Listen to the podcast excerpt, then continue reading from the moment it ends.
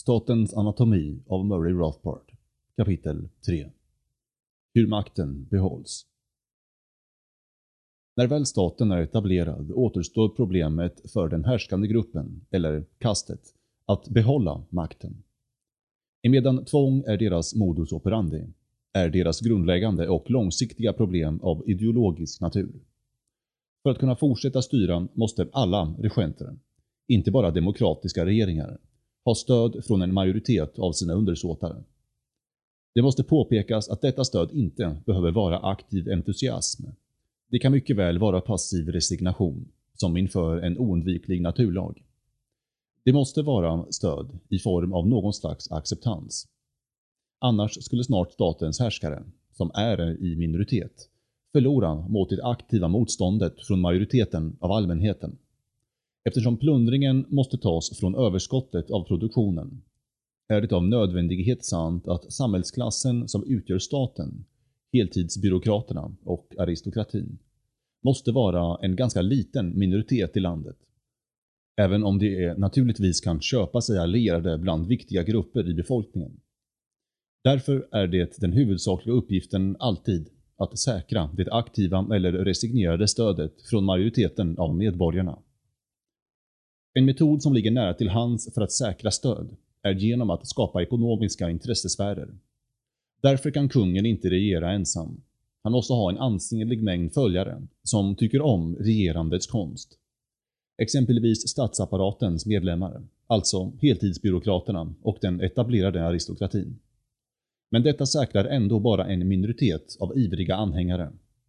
Det räcker inte ens med det nödvändiga inhandlandet av stöd via subventioner och privilegier för att skaffa sig majoritetens samtycke. För denna, helt nödvändiga, acceptans krävs det att majoriteten övertygas ideologiskt om att deras regering är god, vis eller åtminstone oundviklig och helt säkert bättre än andra tänkbara alternativ. Den socialt viktiga uppgiften att uppmuntra denna ideologi bland folket tillfaller de intellektuella. För de allra flesta människor skapar inte sina egna idéer, eller tänker ens självständigt igenom dessa idéer. De följer passivt de idéer som anammas och sprids av den intellektuella samhällsgruppen.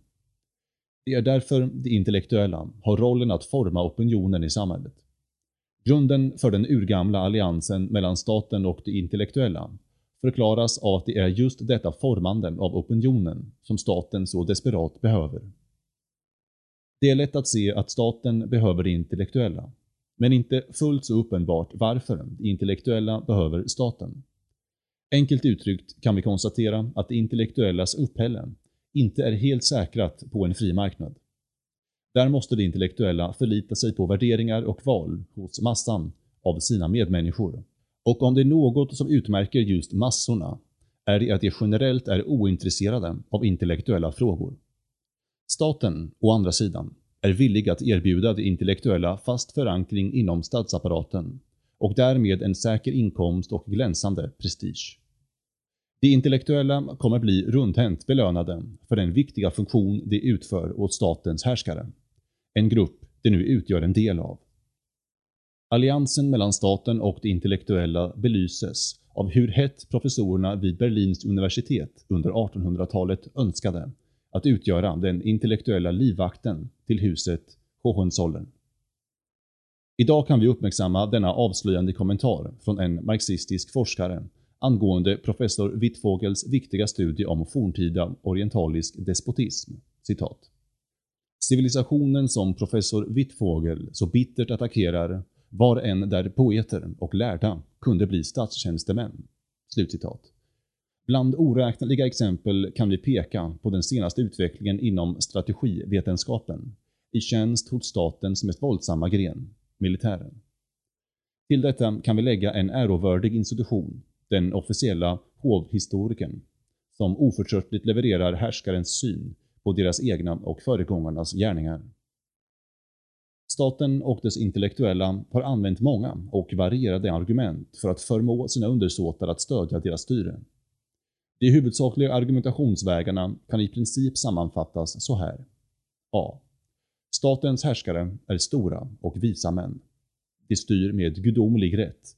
De är ädla bland män, De är de vetenskapliga experterna, mycket större och visare än de goda men enkla undersåtarna. Samt B. Ett utbrett regeringsstyre är oundvikligt, absolut nödvändigt och mycket bättre än den obeskrivliga ondska som skulle släppas lös vid dess frånfälle. Alliansen mellan stat och kyrka är den äldsta och mest framgångsrika av dessa ideologiska verktyg. Härskaren var antingen utsedd av Gud eller, i fallet med de absoluta despoterna i Orienten, själv Gud. Detta gjorde allt motstånd mot deras styre hädiskt. Statens prästerskap utförde det nödvändiga intellektuella uppdraget att skaffa brett stöd och till och med dyrkan av härskarna.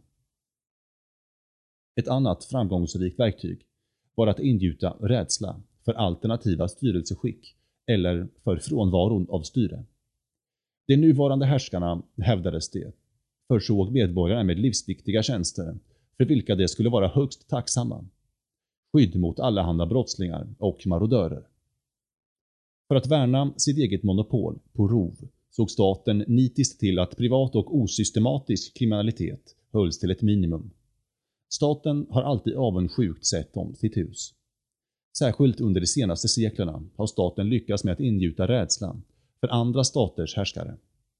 Eftersom världens landsområden har delats upp mellan vissa stater var en av de grundläggande doktrinerna att staten skulle identifiera sig själv med det landområde den behärskade.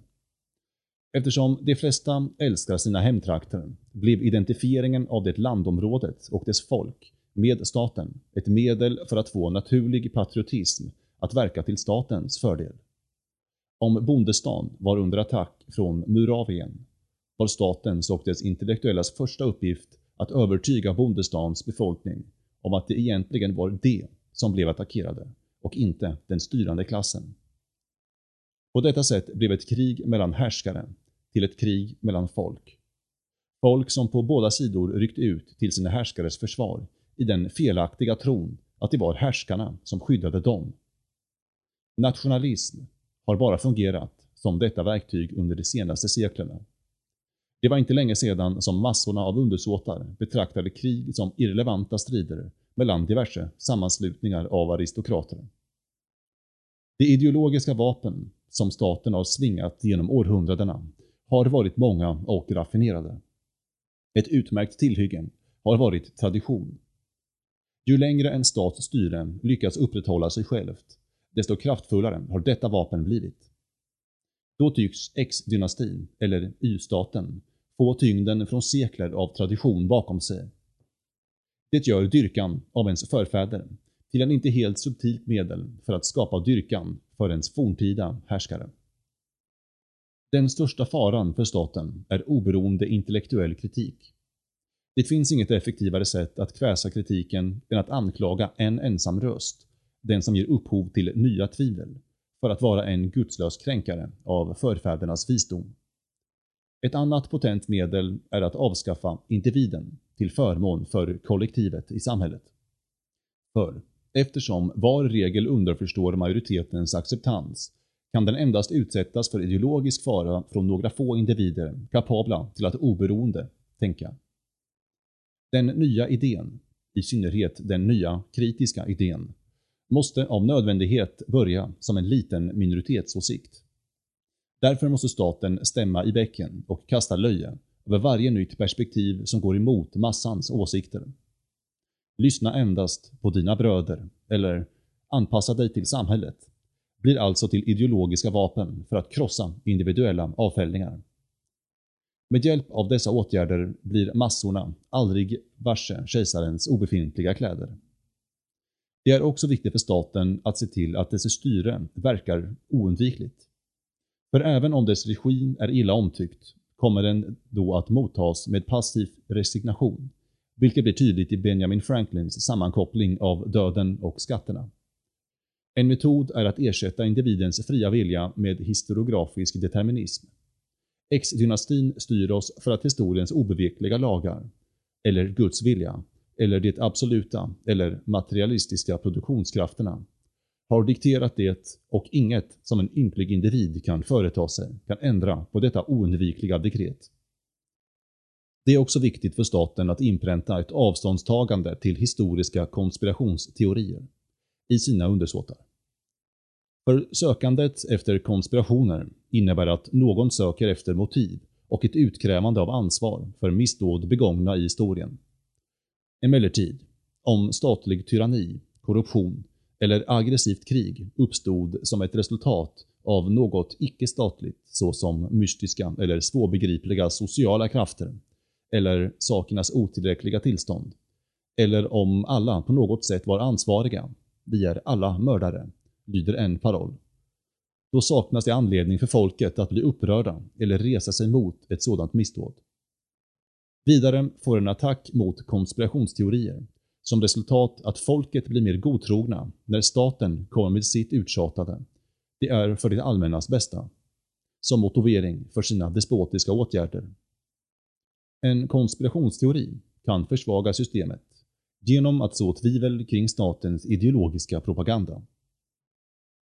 Ytterligare en beprövad och bevisad metod att tvinga undersåtarna att följa statens vilja är att så skuldkänsla.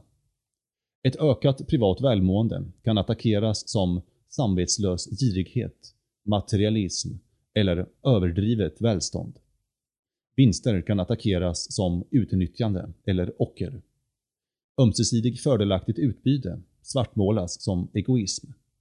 Och på något sätt är den rätta slutsatsen alltid att den privata sektorn ska berövas mer resurser till förmån för den offentliga. Skuldkänslan gör folket mer redo att dra just den slutsatsen. För medan individer tenderar att hänge sig åt självisk girighet är det meningen att vi ska tolka statens ovilja att engagera sig i utbyte som ett tecken på deras hängivenhet till högre syften. Parasitiskt röveri är tydligen moraliskt och estetiskt upphöjt i jämförelse med fredligt och produktivt arbete. I dessa mer sekulära dagar har statens gudomliga rätt blivit ersatt via åberopandet av en ny gud, vetenskapen. Statligt styre utropas nu som ultravetenskapligt, då det utgörs av experternas planering. Men även om det oftare hänvisas till förnuftet än det har gjorts i tidigare sekel, är det inte individens sanna förnuft och hur han följer sin fria vilja. Det är fortsatt kollektivt och deterministiskt. Fortfarande underförstås det holistiska aggregat och härskarnas våldsamma manipulation av sina undersåtar. Den ökande användningen av vetenskaplig jargong har tillåtit statens intellektuella att väva ett döljande täcke av ursäkter för statligt styre, som i enklare tider enbart hade ådragit sig löje från populasen. En rånare som rättfärdigade sin stöld genom att säga att han egentligen hjälpte sina offer, genom att han spenderade stöldgodset på ett sätt som skapade tillväxt i detaljhandeln, skulle inte lura många. Men när en sådan teori kläs i keynesianska ekvationer och imponerade referenser till multiplikatoreffekten blir den tyvärr mer övertygande. Och på så sätt fortgår attacken på sunt förnuft, där varje tidsålder utför uppgiften på sitt eget sätt. Alltså, eftersom ideologiskt stöd är livsviktigt för staten, måste den öka sina ansträngningar att imponera folket med sin legitimitet för att dess aktiviteter ska se annorlunda ut än vad som vanliga banditer sysslar med. Den oförtröttliga beslutsamhet med vilken staten attackerar det sunda förnuftet är ingen slump. För, som Mencken så levande framhöll, citat.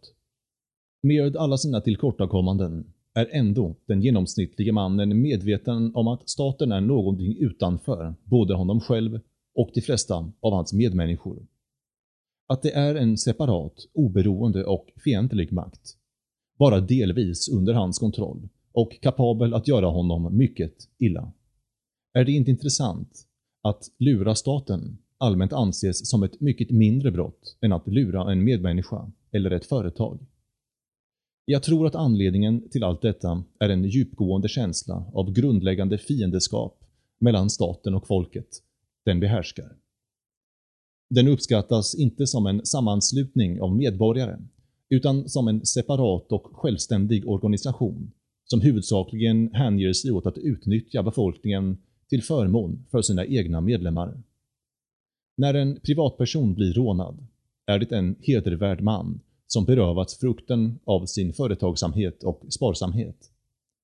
Det värsta som kan hända när staten blir rånad är att några skurkar och dagdrivare får mindre pengar att röra sig med än de hade innan.